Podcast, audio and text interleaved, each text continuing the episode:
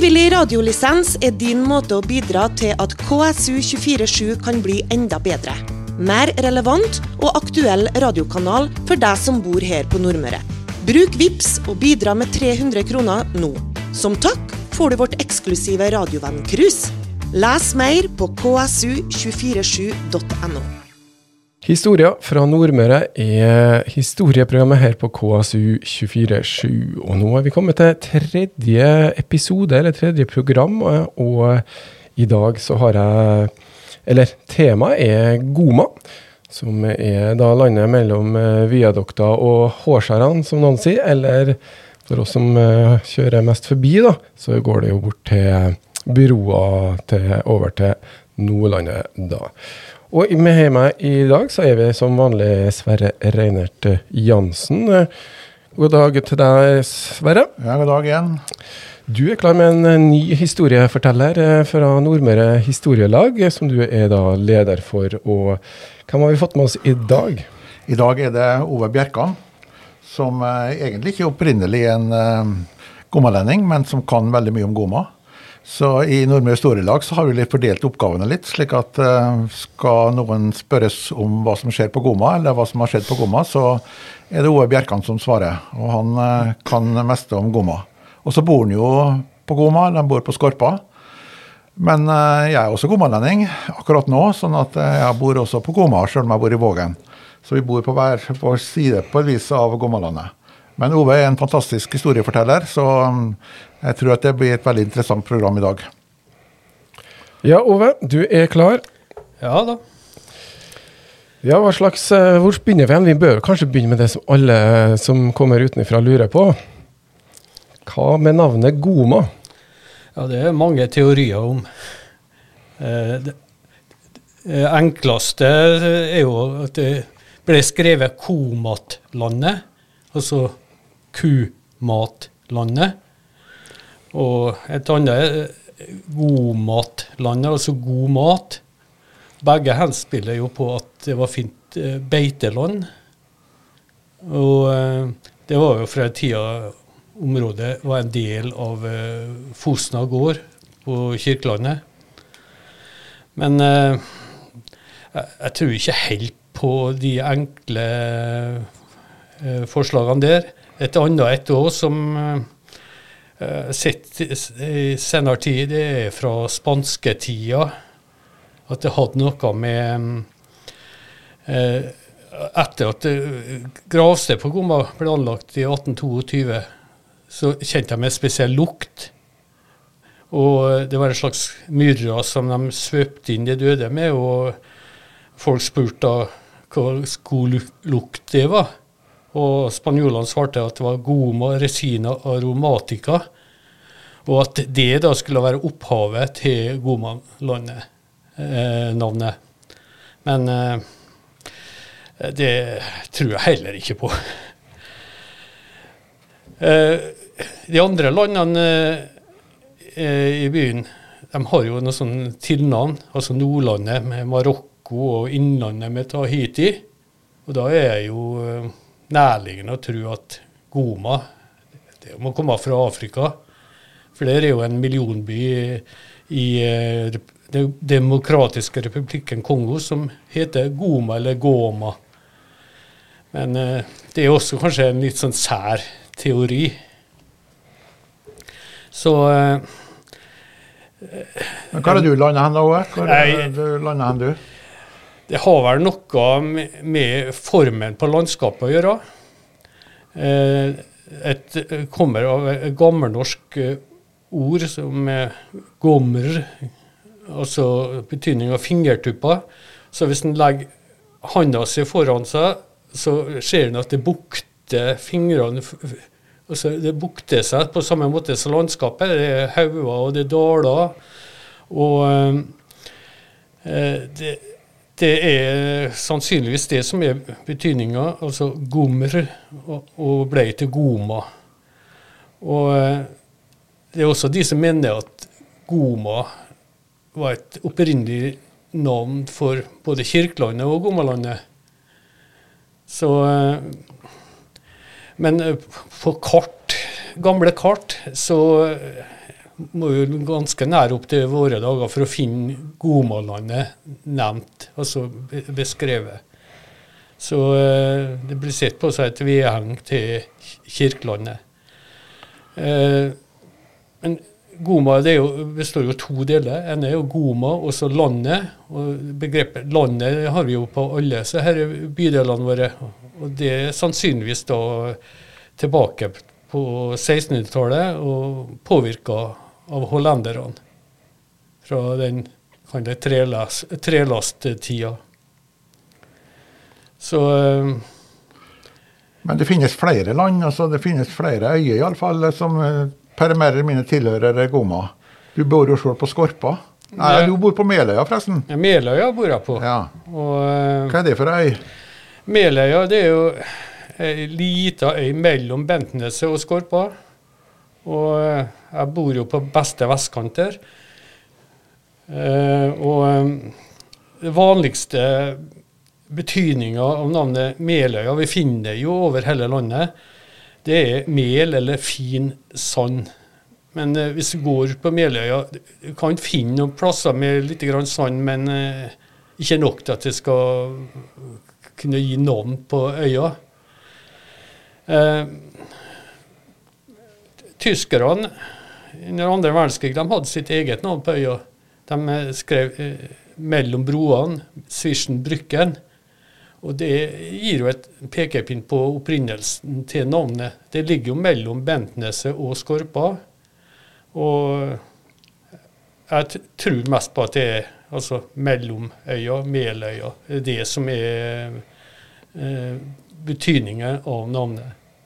Så det er ikke melet på Meløya, så blir det skorpa, brødskorpa av det. Ja, altså skorpanavnet, det, det tror jeg er mer eh, bokstavelig, altså på samme betydninga som skorpa på brødet. Altså at det er en røff, grov natur. Det er få trær, og det er en del åser og, og fjell. Eh, og det, ja, det er en nokså skarpe kanter utpå her. Så eh, det er nok skarp eller skorpe, eh, det. Eh, men når det er snakk om skorpa, så er det litt artig sak, da. Eh, det er jo en stor utbygging som foregår der, etter at Skorpa Eiendom kjøpte øya av Sandvik-familien i 2007, var det vel.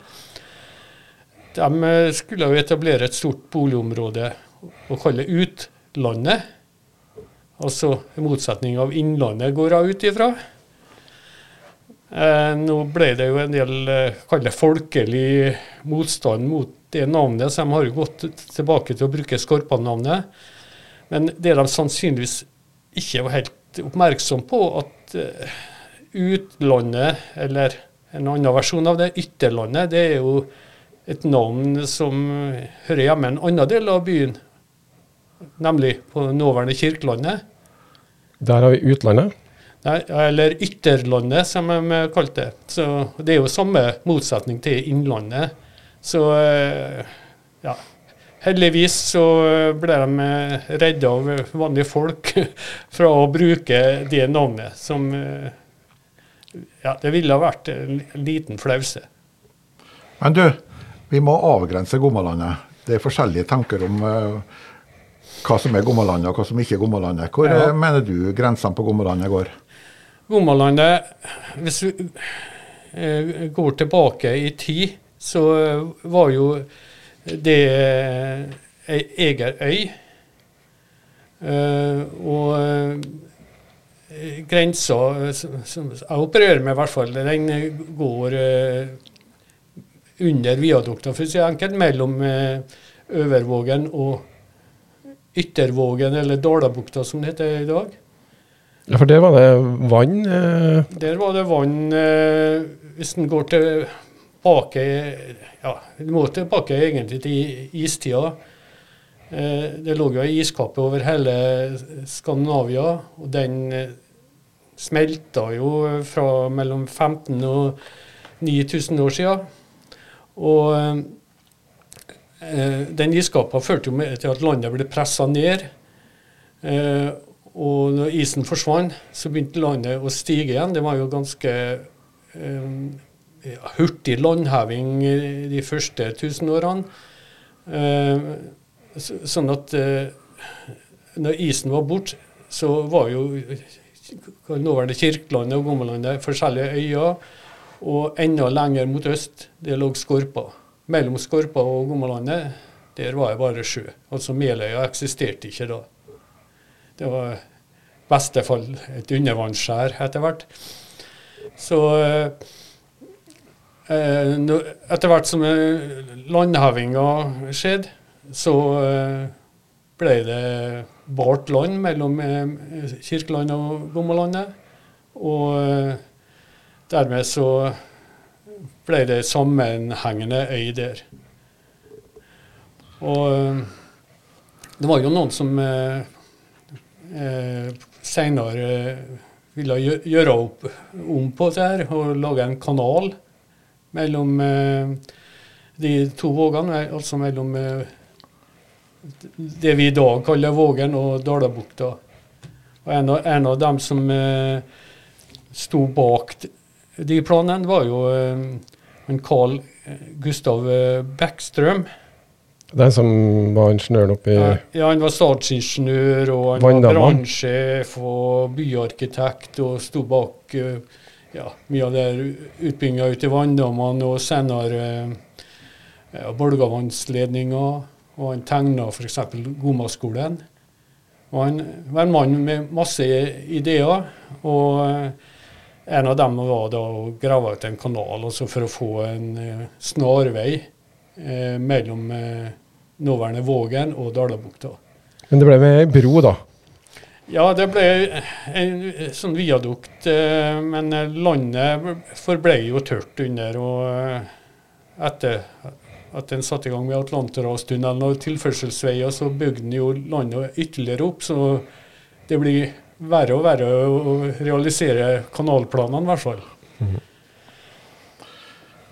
Men eh, Eh, Ove, eh, når vi er tilbake sånn i, stein, i, istida og sånn, hvem var de første beboerne som kom på Gommalandet? Hvem var det som uh, bosatte seg der? Jeg kjenner dem ikke av navn, naturligvis. Men, nei, det gjør vi kanskje ikke. Nei. nei men de kom jo ja, sannsynligvis padlende, seilende langs kysten. Mest sannsynlige surfere, da, hvor det åpne, isfrie landskapet kom først. Og de første de kom sannsynligvis for en eh, ja, ca. 11 000 år siden. Og eh, kan jo si at de som oppdaga eh, både Gommelandet og Skorpa eh, Meløya var sannsynligvis fortsatt eh, delvis under vann. Eh, de visste jo ikke dem da, at de var en del av Fosna-kulturen. For det var jo Anders Numedal som fant ut. Og brukte bynavnet eh, på den eh, sivilisasjonen eh, der. Og eh, Men du, vi har et annet program har vi snakka om Vålvatnet på Nordlandet og sånn. Ja. Finnes det noe levninger, så finnes det noe, noe fra den kulturen på Gommalandet? Ja, jeg kan jo si at uh, ja, i hvert fall eldste levninga av en uh, kristiansunder, uh, den fant de i en heller litt nord for Dunkarsundet, og så før du kommer til Losken. Det er vel beregna at den kanskje er en 4000 år gammel. først så, Numedal trodde vel først at det var ett menneske det var rester etter. Eh, senere så har vi funnet ut at det sannsynligvis er to. Så eh, det, Grav, rett og slett? Ja, de lå gravlagt eh, i den helleren. Eh, så, un, eh, ellers fant de jo mye rester etter det, både redskaper og hva de har spist. Men eh, det også var gravlagt her. Så Dunkarsundet er egentlig et gammelt sted på Gommalandet? Ja, eh, ja, navnet det er jo eh, kommet litt eh, senere, eller de funnene der, da. Men eh, sannsynligvis så ja, er det rundt midten av 1500-tallet. Eh, og navnet det skriver seg jo fra eh, franske byen Dunkerque. Og eh, hadde jo sammenheng med sjørøvere eller smuglere som holdt det i området. Eh, tenkte ikke nødvendigvis eh, at de skutene som var, kom fra selve byen Dunkerque, for Dunkerkere ble jo brukt som en sånn samlebetegnelse for den type eh, sjørøvere. Så eh, navnet de, de, må jo i hvert fall vært der mer enn én gang, siden navnet ble eh, hengende ved området. Så det det er sannsynligvis da kanskje en 570 år gammelt eh, navnet, eh, Dunkarsundet. Og det er jo et navn som du finner på de eldste kartene fra området. Og, Men det var bebyggelse der også, fra gammelt av? Ja, eh, i hvert fall eldste bosettinga på Gomalandet, det finner vi i Dunkarsundet. Og eh, det har vært spekulert i hvor de bodde hen. Eh, på et av de eldre kartene så er inntegna to hus eh, ved Dunkarsundet. Eh, for den som vil finne ut hva det er igjen i dag, så er jo det ligger rett for utløpet av det som kan kalles Dunkardalen. og Så kommer den ned fra Folkeparken, og der småbåtlaget i dag har en uh, slipp. Der omtrent er inntegna to hus på et uh, gammelt kart. Så det Sannsynligvis da er det der uh, en Olle Dunkarsund, som er nevnt i folketellinga i 1666, og hans etterkommere har bodd. Far min han eh, vokste opp eh, i Vågen, og de forteller at de gikk over Gjelsetenga og ned til Dunkarsundet for å bade. Så det var sikkert en fin badeplass også i gamle dager? Ja, det var det. Og du ser jo sandbunnen ennå i dag. Jeg er jo en av dem som benytter meg av området. ja, Du bader jo med fullt dykkerutstyr, du, så du Ja, jeg, jeg må bruke våtdrakt, vet du, for jeg, kan være ute i en par timer. Så eh, det er jo lagt merke til. Det ble jo en full utrykning her for et år siden. Jeg trodde det var en hval som var ute og gikk, og så var det du som lå i ja, sjøen? Ja, de trodde at det var noen som var i havsnød. Så da hadde jeg vært ute på Hindarskjæret Eh, opp med Hinnakleppen. Så ja, um, men jeg, Det står av rett ut, så det er veldig kaldt der, så er greit å ha drakta seg på. da. Ja, og så er det godt det er, I dag er det også mye småbåttrafikk, så jeg er kjent for å ha rosa badehette. Og jeg har en sånn oransje pølse som henger bak meg, sånn at det skal vises. da. Men det er jo nokså lenge etter at de første beboerne var her. da. Det er jo sånn at eh, en Olle Dunkarsund, eh, eh som er født sånn ca. 1616, hvis folketellinga rett at han var 50 år i 1666, han har faktisk eh, etterkommer som bor ute på Skorpa i dag. Riktignok er det ikke sammenhengende bosetting, men eh, det er en som har bosatt seg der, i hvert fall. Han er en direkte etterkommer. Det har jeg fortalt ham. Ja, men han heter ikke Dunkarsundet? Nei, han heter ikke det. Nei. Men det utvikla seg jo, folketallet. Det kom jo flere? Ja, eh, altså til å begynne med så eh, i, i 1701 da, så er anslått at det var to hus. Eh, det er ikke nærmere eh, beskrevet hva de var. hen. Sannsynligvis er det de nevnte husene i Dunkarsundet. For vi kjenner ikke til noe annen bebyggelse på Gomalandet da. Det første som kom Da er jo midten på 1700-tallet. Men i 1801 da er en folketelling og Da er Vågen og Gomanesset, som de kaller det. Eh, Eh, det er slått sammen. Da, da var det 313 mennesker. Men sannsynligvis var en stor del av det som bodde inne i eh, Øvervågen. Ja, Så da gikk det fra Vågen og utover mot ja, Gomma, da? Ja. Det varierer litt altså hvilke uh, geografiske begrensninger de har når de har de tellingene. Men det er langs kysten de bor, eller langs uh, havna eller sjøen? Ja. ja. Men eh, fra 313 i 1801, og så ja, selv eh, hvis vi kommer helt til 1900, så var det fortsatt bare 680 på Gommaland og Skorpa. Så eh, Hvor mange var i byen på den tida? Da var det faktisk eh, passert 12 000. Så det var en svært liten del av byens befolkning som bodde eh, på Gomalandet. Det var det. Så eh, Så da var det kanskje jordbruk, eh, som vi nevnte i forbindelse med navnet, som var viktigste aktiviteten der, da kanskje? Jo, det var, var jo det. Og så var jeg jo kommet litt i fiskeindustri. Eh, og så eh, Den senere kalte Mildenbrygga var jo fra midten av 1700-tallet. Så eh, Men eh, store antall eh, mennesker på Gomma det kom jo først eh, etter eh, bombinga og gjenoppbygginga etter krigen. For da kom jo store brakkebyene og Så i 51 så var det faktisk 2000 mennesker av 14 500. Så det var en ganske stor, mye større andel av befolkninga som var eh, bosatt på Gomma. Så eh, Men du, hvis vi sier altså, det ene stedet som folk bosatte seg, iallfall med to hus, det var på Dunkarsundet. Men Ja. andre plasser det var folk også. Du snakka om en plass som heter Plassastua. ja. Og hvor var det hen? Den eh, lå, eh, lå, må vi si, for den ble jo revet, vedtatt revet i 1954. Så den lå rett ovenfor eh, Sundbåttillegget på Gomma. Det var torv, tak og eh, Den eh, var bygd sånn ca. 1740 av en skomaker, Nils Eriksen Berg.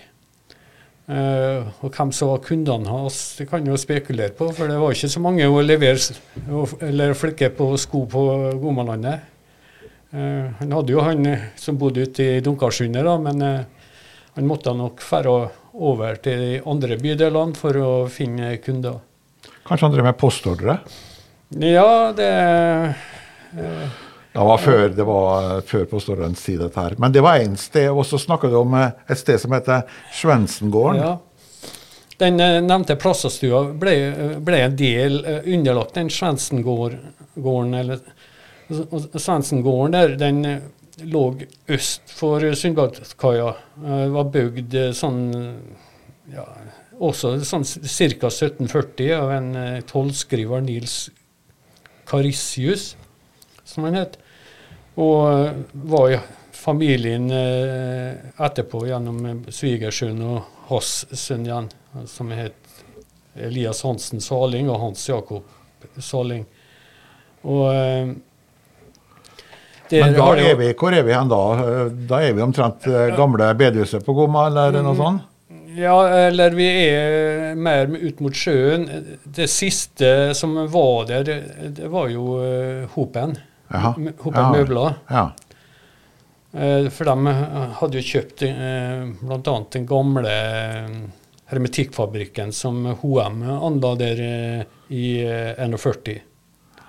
Så eh, Men uh, Svensengården, eller Svensengården En skulle jo tro at det var en Svendsen-familie som bodde der i årtida. Men eh, altså det var som sagt eh, bygd i 1740, men det var først i 1851 at eh, Søren Svendsen eh, overtok eiendommen. Og han hadde den bare i ca. sju år, men navnet ble hengende med Og det er Svendsen med SCH SCH, ja. og W. Ja. Så eh, Men etter Sensen så kom jo kjent navn inn. Kristian Johnsen, som også da kjøpte eh, eh, bryggene, altså Mildenbrygga, og, og, og drev nokså stort i byen. Så eh, Men fra den gården der så ble det nevnt eh, eh, bedehuset. Ja. Det kom jo ut fra samme eiendommen. Så um, Men har vi plassert det litt sånn at der på Gomma, langs eh, der det var Sundbåten kommer i dag, det var også en, eh, en sånn folk slo seg ned ganske tidlig. ja, du kan jo si at eh, eneste bebyggelsen utenom eh, Dunkarsundet, det ble rundt Sundbåtkaia. Og eh, det, det, var jo et nokså si, begrensa del av nåværende Gomalandet som eh, fikk sånn tettbebyggelse før krigen. Det var jo området spesielt eh, ja, si, vest for nåværende eh, Nordsundbrua og bort til Sundbåten. Men da har jeg lyst eh, Ove, til å snakke litt om eh, altså, gårdsbruk på på Gommalandet. Hva er det for noe vi har av gårdsbruk der? Jeg nevnte i sted Gjelsetgården, men eh, det var flere enn der? Ja, det kan jo Altså, opprinnelig så eh, var jo Fosna gård eierne der, som eide alt landet. På, fra både på Gomalandet og helt ut skal vi si, forbi Skorpa og til med Hårskjærene. Alt det lå under eh, Fosna gård. Sånn at til å begynne med, de som starter med gårdsbruk, de eh, måtte jo betale bygselavgift til eierne av, eh, av Fosna gård. Den første gården som kom, det, Der kan jo fortsatt skje Gårdsbygningene det er jo ute i Dalen gård. Den som nå venneforeninga har, har, tatt seg av. det gamle museet? Ja, ved, ved sida av det gamle museet. Eh, det er jo også museumsbygninger, altså gamle stabbuer og sånt, som er satt opp eh, attmed der. Men, eh, men selv, museet har sitt område, men selve Dalen gård eies jo nå av kommunen. Og de har jo ønska å selge det i ganske lang tid. da. Men Dalen, den første som gjorde noe der ute. Han het Jonas Nideros. Og ut av navnet så må han jo ha sin opprinnelse fra Trondheim, eller Nidaros. Han eh, hadde et fæhus, som det står. altså Om han hadde sauer eller kyr, det vet jeg ikke, men eh, allerede i 1791 så hadde, hadde han et fehus uti der. Og eh, men, eh, men eh, den som starta oppdyrkinga, var jo Walter Millen. Han som Millenbrygga fikk sitt navn etter. Og eh, etter han så kom Knutson-familien inn. De som da ga navn til området gjennom Knutsondalen. Det var jo han der vet du, Vi bruker romertall på så Nikolai Henrik Knutson. Det var, det var han første som starta der. Og eh, eh, så etter det Han, han, eh, ja, han dyrka større områder, og han kjøpte eh, mark helt ut til Dunkarsundet. Sånn at det var ganske stort areal som kom under Dalen gård. Og han ble også hjemmelshaver, så han kjøpte også grunnen. Han var ikke eh, av, måtte ikke betale til eieren av eh, Eh, eh, gård lenger. Eh, Men det var en stor gård den gangen? Ja, etter hvert så ble det stor Til å begynne med så var det jo altså et lykkebruk og sånn Det var ikke noe hovedbeskjeftigelse for eierne akkurat, men det var jo en plass å skaffe seg melk og kjøtt og landbruksprodukter. Den kunne ikke gå på supermarkedet sånn som i dag. Og, eh, men eh, etter hvert så eh, kom det jo folk som skulle leve av gårdsbruket. Og i 1855 så kom jo Glærum-familien, som da drev gårdsbruk der helt til etter andre verdenskrig, da marka da ble brukt til og anlegge folkepark og med alle idrettsanleggene og skolene og alt det. Så det ble ekspropriert store eiendommer? Ja, det, det ble det. Så, men eh, det var jo noen som gjorde seg nytte av området før kommunen skulle lage folkepark. Det var jo tyskerne. De eh, eh, hadde jo en av sine større festningsanlegg eh, ute på Kleppen-området. helt litt nærere sjøen, altså i områder som da ikke var dyrka opp. Og det var jo ganske stort område som eh, tyskeren benytta. Så Men det med folkepark De første tankene om det kom jo allerede under krigen. Det var første forslaget som jeg i hvert fall har sett, det var allerede tilbake i 1941. Men eh, det var først i 48 at det ble ekspropriert 338 mål fra Dalen gård. Og Dermed så forsvant jo mye grunnlaget av gårdsdrifta. Og den beste jorda ble eh, lagt ut eh, til folkepark med henblikk på å anlegge bl.a. Atlanten stadion og campingplass og alt som kom der etterpå. Men eh, mye av det som vi i dag kaller Folkeparken, var jo en del av eh, Altså det var det privat eie helt frem til 2003. Da ble også Kleppen-området, for å kalle det, altså alle de ytre områdene, ekspropriert. Men det var én stor gård, og så har du det som kalles Gjelsetgården? Gjel, ja, Gjelsetgården. Altså det, det, navnet skifter jo gjennom tidene. Eh, det, det første så var det var ei som ja, Gurine Hoseth. Hun var i hvert fall eier frem til 1838, da barnebarnet overtok. Og etter henne så henger det igjen eh, navnet Hosetplassen eller Hosetenga. Eller også ble det kalt Gurines fryd. Hvor er vi nå? Da er, er vi på eh, det som i dag kalles Stortua. Eh, selve gårdsbygningene eh, lå litt ja, litt sør for selve stortua. Rett oppafor det som Kristiansund Mekaniske Verksted er i dag. Det er jo en bakke opp der. Eh, fra Freiveien der, ja. Ja, fra Freiveien og opp. Og den kalles jo Gjelsetbakkene i dag. Så Men det var jo det, Ole Istad drev jo gårdsbruket gårdsbruker frem til 1914, hvor, hvor at eh, Gjelseth-familien tok over. Først med Iver Gjelseth, så sånn Ole Gjelseth.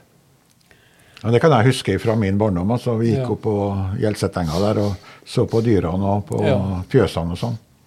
Men det var en, den gangen sikkert en ganske rimelig stor gård i Kristiansund, da? Ja, altså Alt var jo ikke sånn eh, Det var ikke noe sånn fulldyrka område, Men de, det viktigste området for gårdene var vel det, også nedover eh, mot Dunkarsundet. For de eh, over 100 eh, mål av gården ble også ekspropriert den gangen de anla Folkeparken. Så det var ikke bare én, men to gårder som måtte blø for at vi skulle få Folkeparken. Det er vel ikke så mange gårder igjen i Kristiansund, men eh, ja. Nei, det, det, er jo ingenting igjen av uh, bygningene der nå. Det er jo en, en uh, historisk hendelse som er knytta til, til Gjelsetgården, eller Hosetenga. Det var, må jo tilbake til 1882. Da kom en bark som heter byfogd Lindahl, inn på havna. Og den hadde opp karanteneflagget, som betydde at her er det sykdom om bord, og det var kopper. Og Da fikk de ikke komme i land? Uh... Nei, eh, de eh, ble først henvist eh, til å eh, gå i land på Teistholmen, hvor det var hus.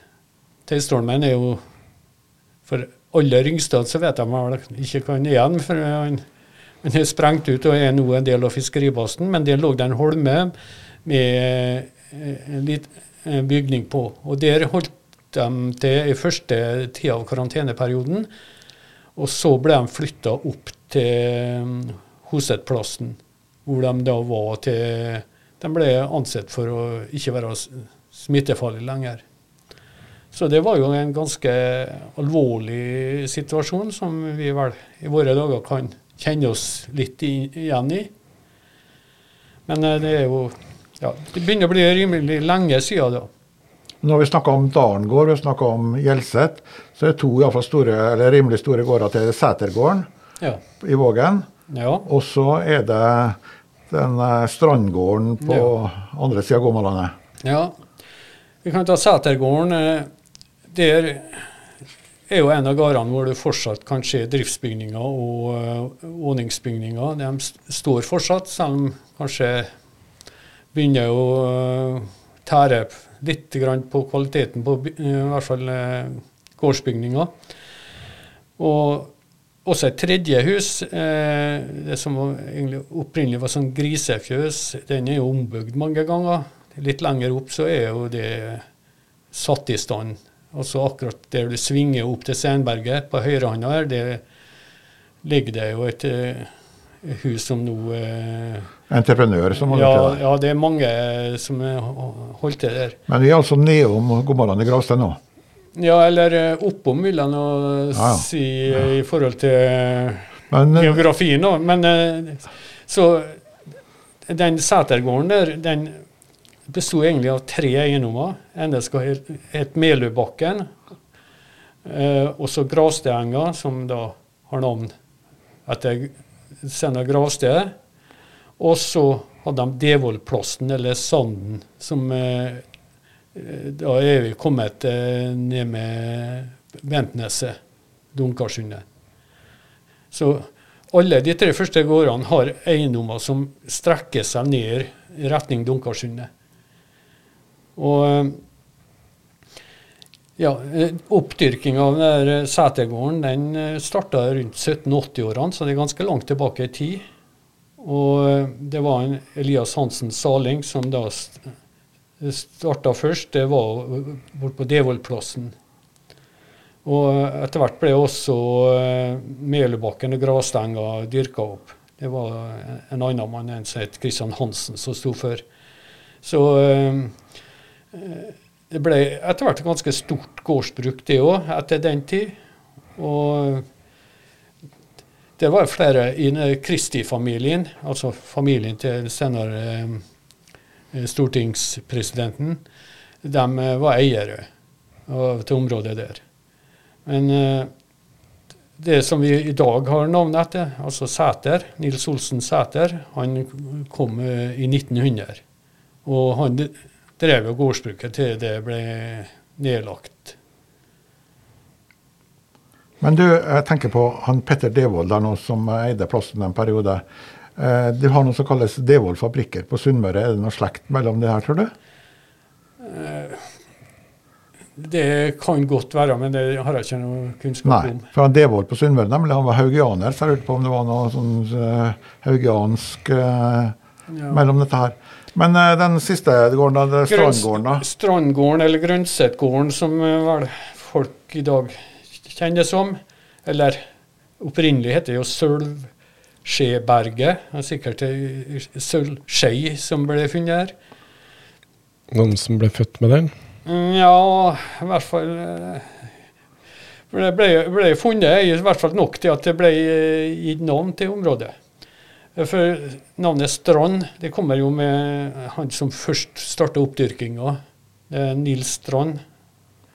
Han eh, ja, døde i 1798, så der òg er vi på slutten av 1700-tallet. Og eh, han Lars Knutsen Moe, neste eieren, han eh, fortsatte å dyrke opp området.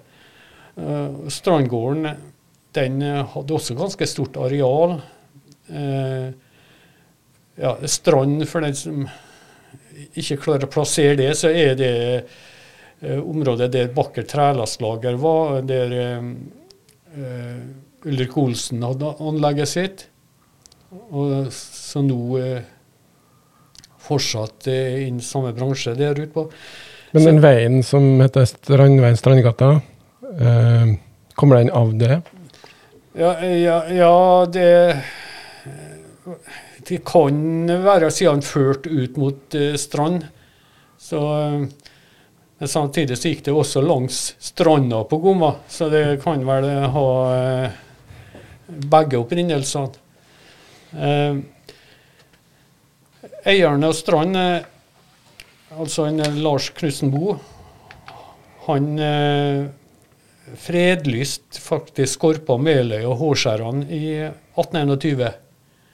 Eh, og det var pga. at det var en rik forekomst av sjøfuglegg og dun. Som verna ja? det Ja. Mhm. Det ble verna det, det var kanskje første område i byen som ble verna. Eh, men eh, det har vel ikke noe særlig kraft i dag, den verninga, da. Eh, men det, det blir vel eh, fortsatt eh, ikke bygd ut akkurat i de ytre delene hvor eh, han fant disse her eggene sine. Og svigersønnen hans, Tore Sjølseth, overtok jo dette her. Og etter hvert så ble gårdsbruket der og handelsvirksomheten delt, sånn at én del ble drevet som vanlig gårdsbruk, og så en var eh, rederi og handelsvirksomhet. Og eh, eh, selve gårdsbruket det ble jo drevet av flere. Ole Oppdøl han drev frem til 1903, hvor Grønseth-familien kom inn. Som var det, de siste som drev gårdsbruk på det området der. Og skjebnen til det gårdsbruket, det er jo kan du si andre verdenskrig og behovet for eh, tomter til en stor brakkeby, og senere stor boligbyggelse. Vi skal høre mer om det øvrige næringslivet om eh, ganske så få straks. Frivillig radiolisens er din måte å bidra til at KSU247 kan bli enda bedre. Mer relevant og aktuell radiokanal for deg som bor her på Nordmøre. Bruk VIPS og bidra med 300 kroner nå. Som takk får du vårt eksklusive radiovenn-cruise. Les mer på ksu247.no. Goma, som har eh, sin eh, navn opprinnelse fra langt tilbake i norrøn tid. Det har vi hørt litt om eh, tidligere nå, og vi har også fått med oss eh, en del av historiene om de ulike gårdene på eh, da mm, Gommalandet, som eh, vi snakker om i dag, da. Ove Bjerkan eh, er jo med oss her fortsatt, og Sverre Jansen er også med. Du nevnte eh, gårdsbruk. eh, Det ble vel litt annen aktivitet også på Gomma? Ja, vi har jo vært gjennom det her største gårdene på Goman og Glærumgården og Gjelsetgården og Sætergården og Grønsetgården. Og før vi går på andre, så kan jeg også bare ta med at det var et lite gårdsbruk oppe på Steinberget, eller Haugen som opprinnelig het. Eh, Det var et på Meløya, hvor Henrik Neunkirchen eh, drev på 1850-tallet. Eh, han var jo egentlig ikke gårdbruker, han var kjøpsvenn eller bryggeformann den tidligere nevnte Svendsen-brygga og Milbrygga. Og på Skorpa eh, var et gårdsbruk.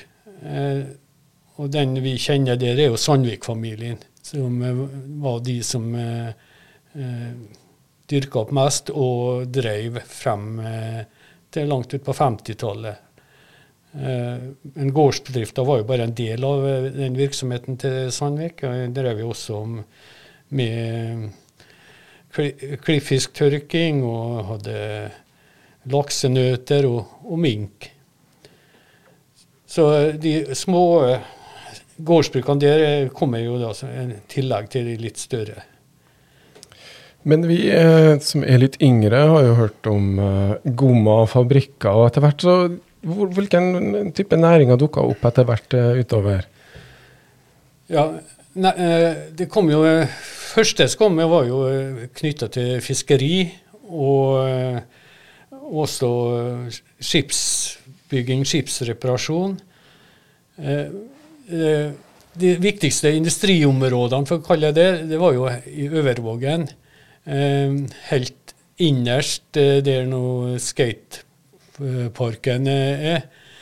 Der eh, var jo Berg Kjemiske og eh, ja, senere var det mye lagervirksomhet eh, der. E-verket kom dit.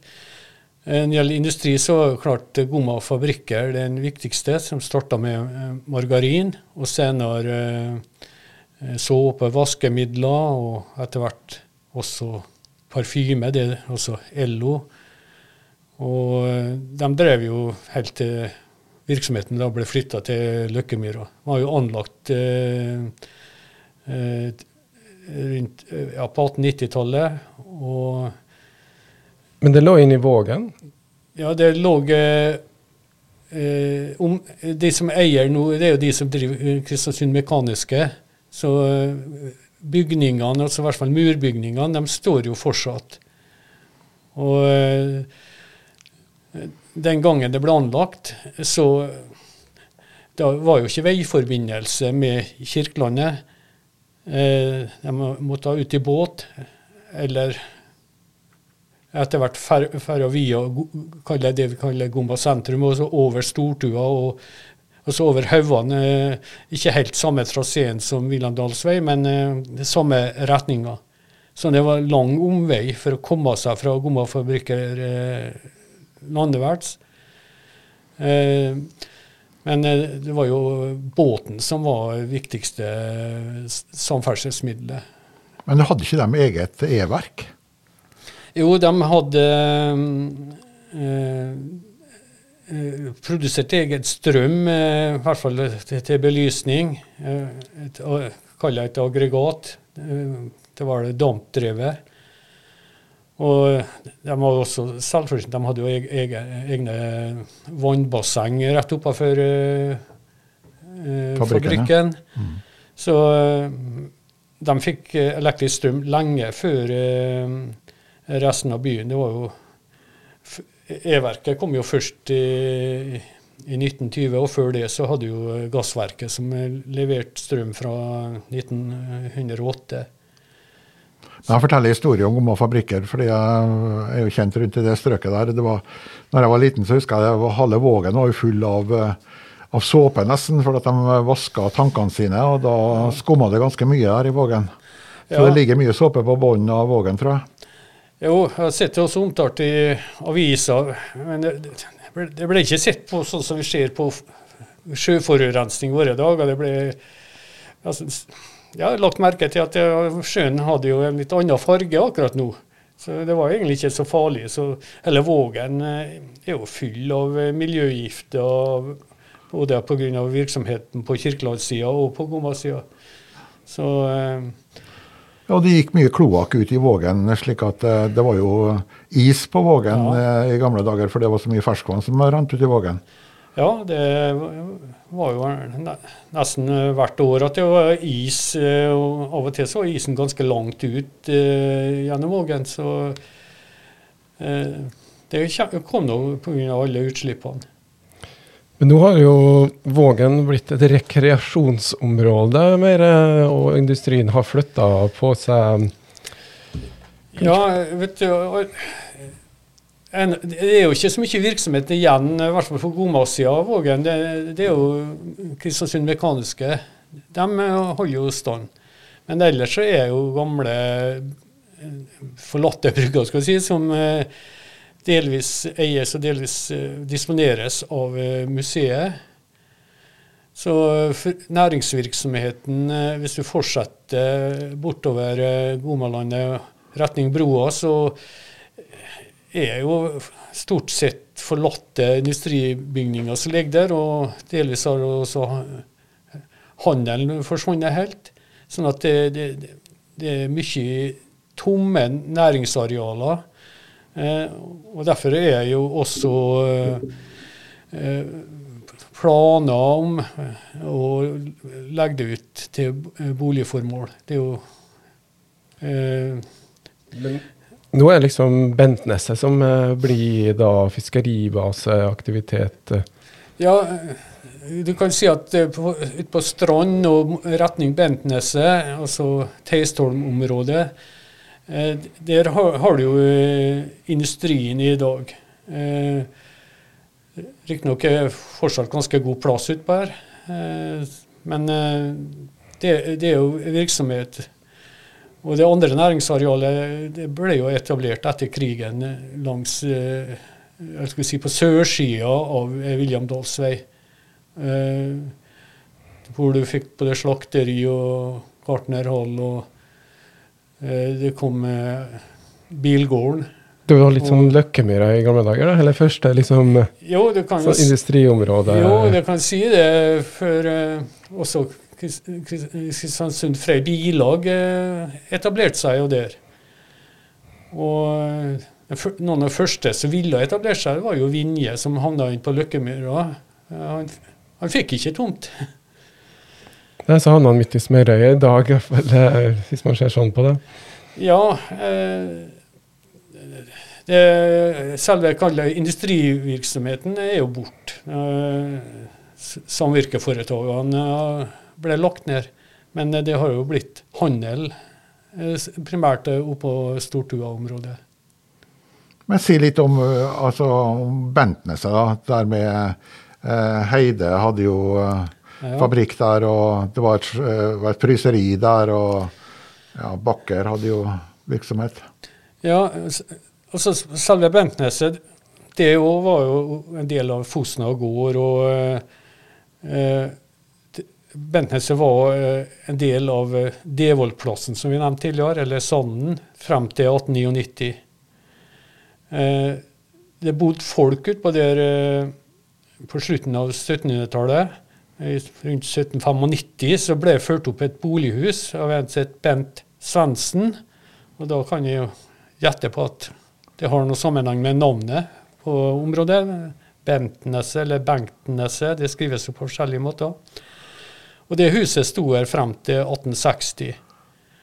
Men etter den tid så var det ikke noe bebyggelse der. Eh, det ble drevet eh, klippfiskproduksjon eh, etter hvert, og det var forskjellige eiere eh, gjennom tiden. Og den som ga navn til eh, Devoldplassen, det var tollkasserer Petter Devold. Og han var eier frem til 1861. Og også der kom eh, den Kristi-familien inn.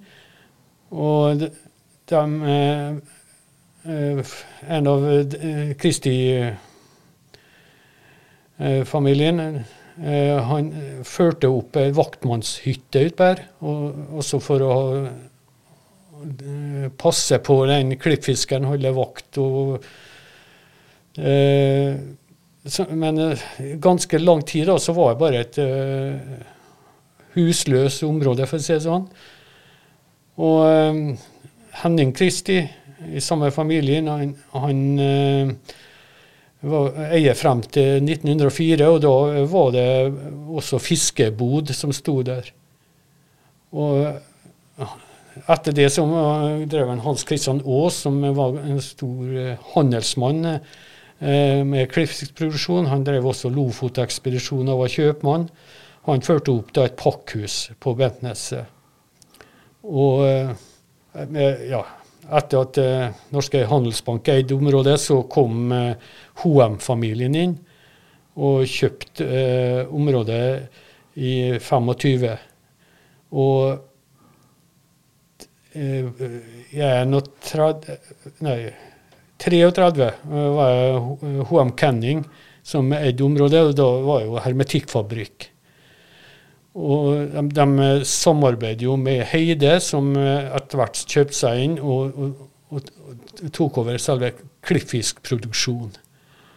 Og etter at eh, HM Canning flytta til ja, området øst for Sundvollkaia, så fortsatte jo Heide med klippfiskproduksjon, og senere eh, med den eh, sildoljefabrikken og fryseriet. Sånn at det, det som de fleste i dag kjenner, det kom da rundt 1940. Altså med, med Heide-familien. Og, de drev jo helt til Hydrotek. Og Leif Inge Karlsen overtok eh, i 1994. Så det var Gesse Riber eh, som også er en del av det området? ikke? Ja, men for å fullføre det med Hydrotek eh, Det var jo altså det het jo Lerøy Hydrotek, og de har jo akkurat solgt området til Zico gruppen. Så eh, Som eier LO-bygget, som Ja. var Gomma fabrikker. ja. Så her er vinner ja. Ja, som hadde mange planer også hvordan de skal drive Ja, dette her. ja, de har mange ideer. og Det er jo en stor bygningsmasse. Og ja, de foreslo vel at kommunen kanskje kunne ha aldersinstitusjonene der. Ja. ja, det var fortsatt det. Men jeg Ja. må si også at mens du er borti den Heidefabrikken der, så jobba jeg der om sommeren jeg, når jeg var eh, ja, jeg tror jeg begynte når jeg var på gymnaset, og jobba der om sommeren og var inne i fryseriet annet. Ja. Det var forferdelig kaldt, men vi fikk lov til å gå ut og varme oss i sola på kaia der. Men eh, det var jo mange arbeidsplasser på den fabrikken den gangen. Jeg har faktisk jobba her en sommer sjøl og stått og filetert sei. Ja. Så eh, Men Da er vi tre, da, for jeg har jo faktisk en litt fartstid fra Gomma også. På Grøntvedt eh, jobba vi noen eh, Det var ikke sommer, men det var når det kom noe fisk og noe helgeaktiviteter. ja, Grøntvedt er tidligere Astra-anlegget. Ja, der har jeg òg faktisk vært innom. Eh, Det var en sommer, men at en dag så ble vi permittert, og så ble vi sendt inn i, inn i Kristvika for å laste en eh, båt med sildmel. Så eh, Men det vi har inni eh, på Bentneset, er jo også at vi har den der olje, oljeproduksjonen, la oss si. ja, Ri- Riber Oils, River Oil er der. Ja, de tok jo over etter Ulrik Olsen, altså tidligere ordfører og statsråd. Så eh, det, det, de har jo utvida ganske kraftig i senere årene. og Det har kommet ganske store tankanlegg, og de trenger eh, stadig nytt areal, ser vi. Så det er jo en eh, positiv tilvekst til byens næringsliv. Og- la oss i avis her en dag at det var, og så et oversiktsbilde. Jeg var forundra egentlig hvor mange tanker det var på det området der. Og, og, og så forsto jeg det på den avisartikkelen at det gikk veldig bra med bedrifter. Ja, det, det er det det ser ut til. Og de prøver å gå over fra sånn, det sånn bulkproduksjon til litt finere, eh, raffinerte produkter, som da i- gir mer igjen eh, på bunnlinja. Og så driver de med forskning. Det er jo Ja. høyt utvikla forskning, det er høyt utdanna folk der som, eh, som jobber. Ja, de er ikke fremmed for doktorgrader, de som jobber der. Det er mer omega-3 og litt mer helsefrembringende, som det, du nevnte der. da. Men det, det industrien som er nå men Bindestad har jo dratt linja her nå, men det er liksom det som gjør skje i krisen her på Gomma, er jo rundt krigen og etter krigen. Jeg kan ikke ta litt uh, opptrinn til det?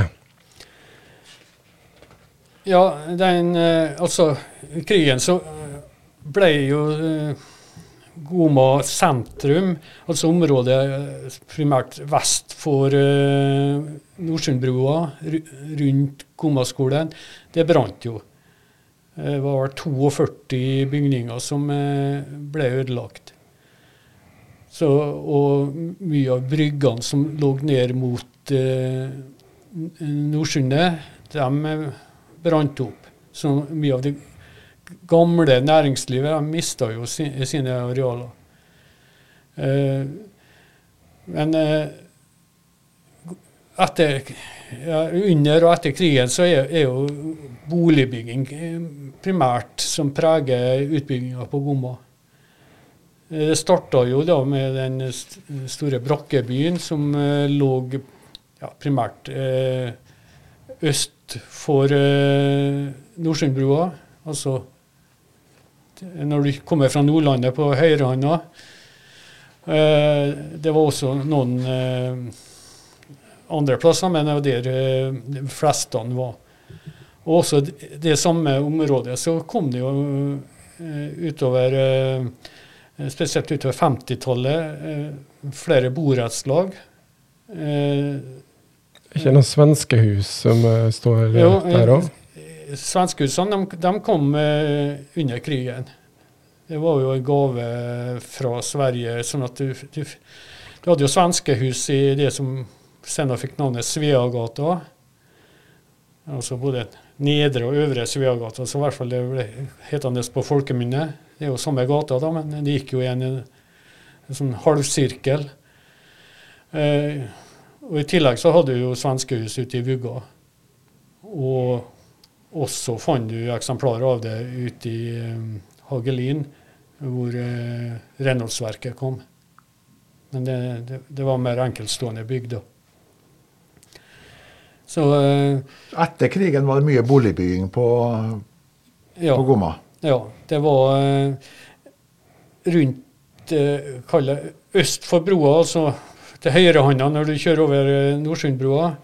Eh, og eh, i tillegg så hadde du ute i Knutsandalen eh, områdene til tidligere Dalen gård. Hvor eh, ja, både Torsvei borettslag og Knutsandalen borettslag kom eh, tidlig på 50-tallet. Eh,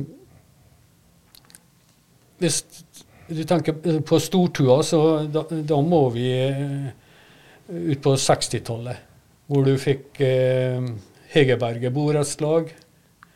Og eh, eh, ja, det, det kom eh, Det er to borettslag som ble innflytta i 64 og 65. Og i andre halvdelen kom resten av stortua. Og så fikk du den ja, Grautbyen, som det fortsatt heter. Eh, Ja, hvorfor heter det Graut, Grautbyen, da?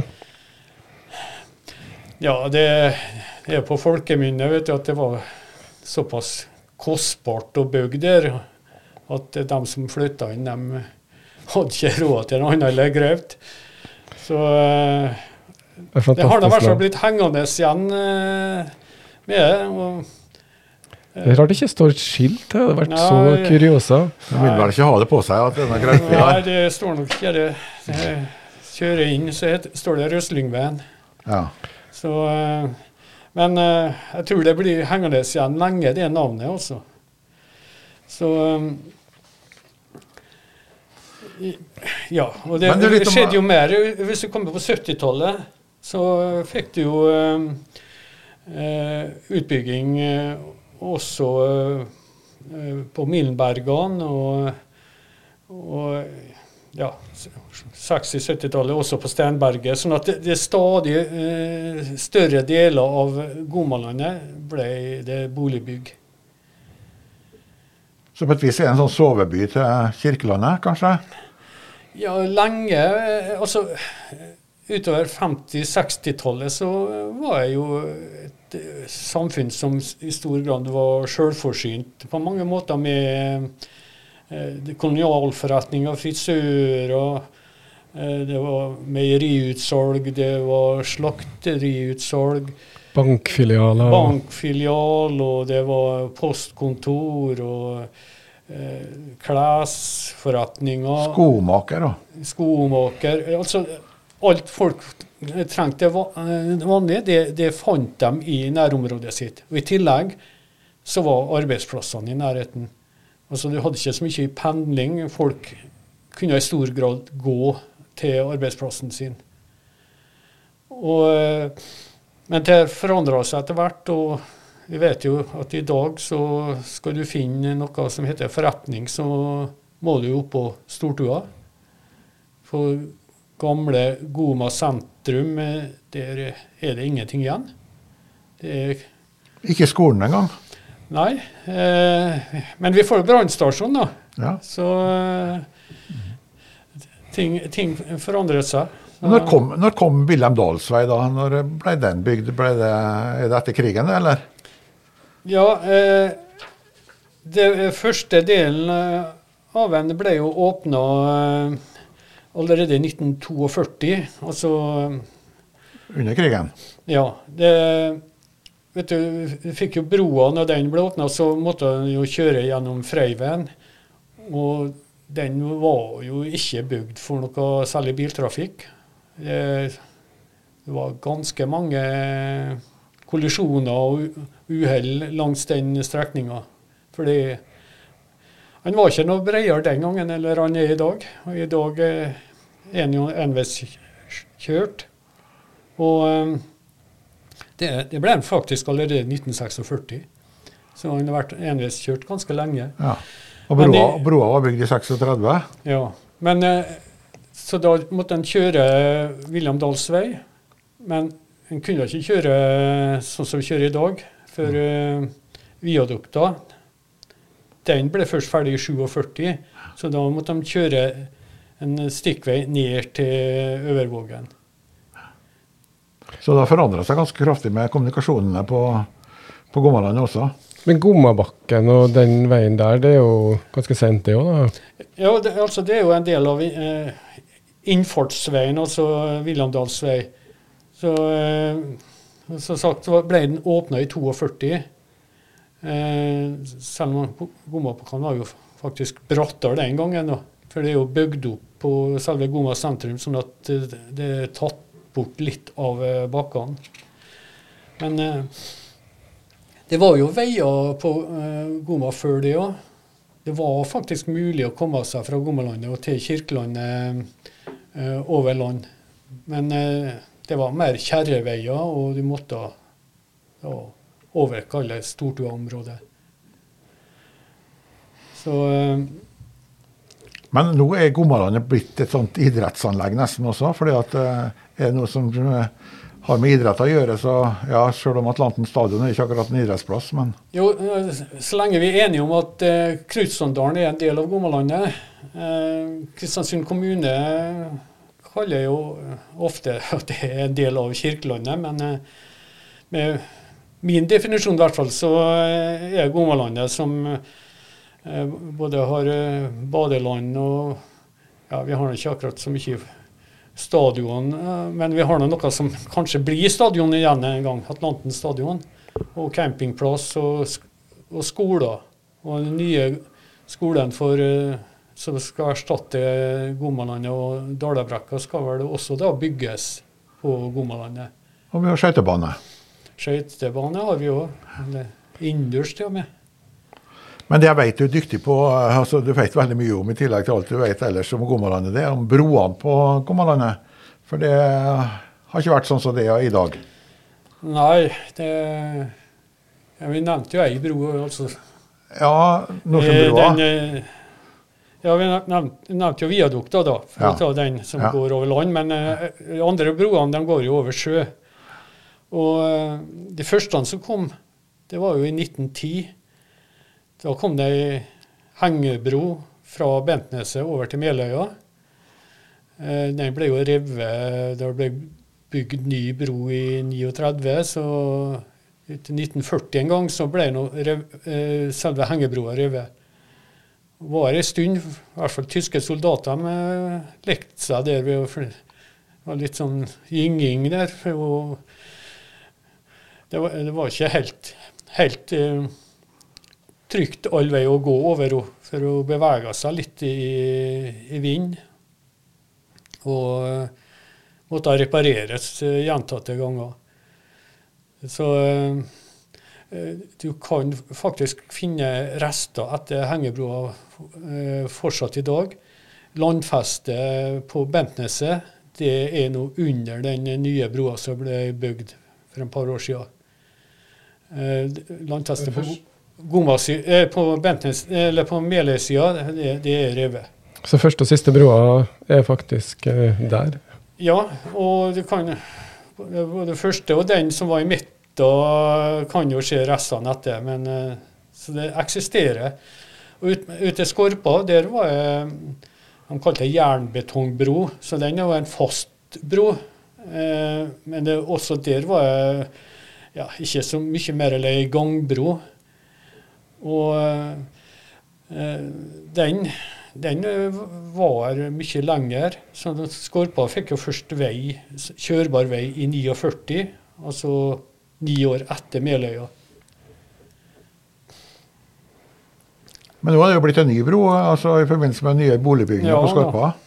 Eh, ei, på ei tid så hadde vi jo faktisk tre broer samtidig. Ja. Vi hadde ei midlertidig bro eh, fra eh, selve Bentneset og over til eh, rett nedenfor huset mitt i, i ja. Ja. Eh, Den- var jo bare i byggeperioden. Og så kom, kom det en ny bro som ble åpna i 2017. Da også den broa fra 1940 ble revet. Og i 2017-2018 så kom det også en ny, flott bro ut til Skorpa, og til det første nye byggefeltet der. Eh, den gamle broa på Skorpa den ble jo erstatta av ei eh, veifylling. Først uten gjennomstrømming. Senere så grov de opp og la noe rør, da, for det, det samla seg mye kloakk og dårlig lukt der.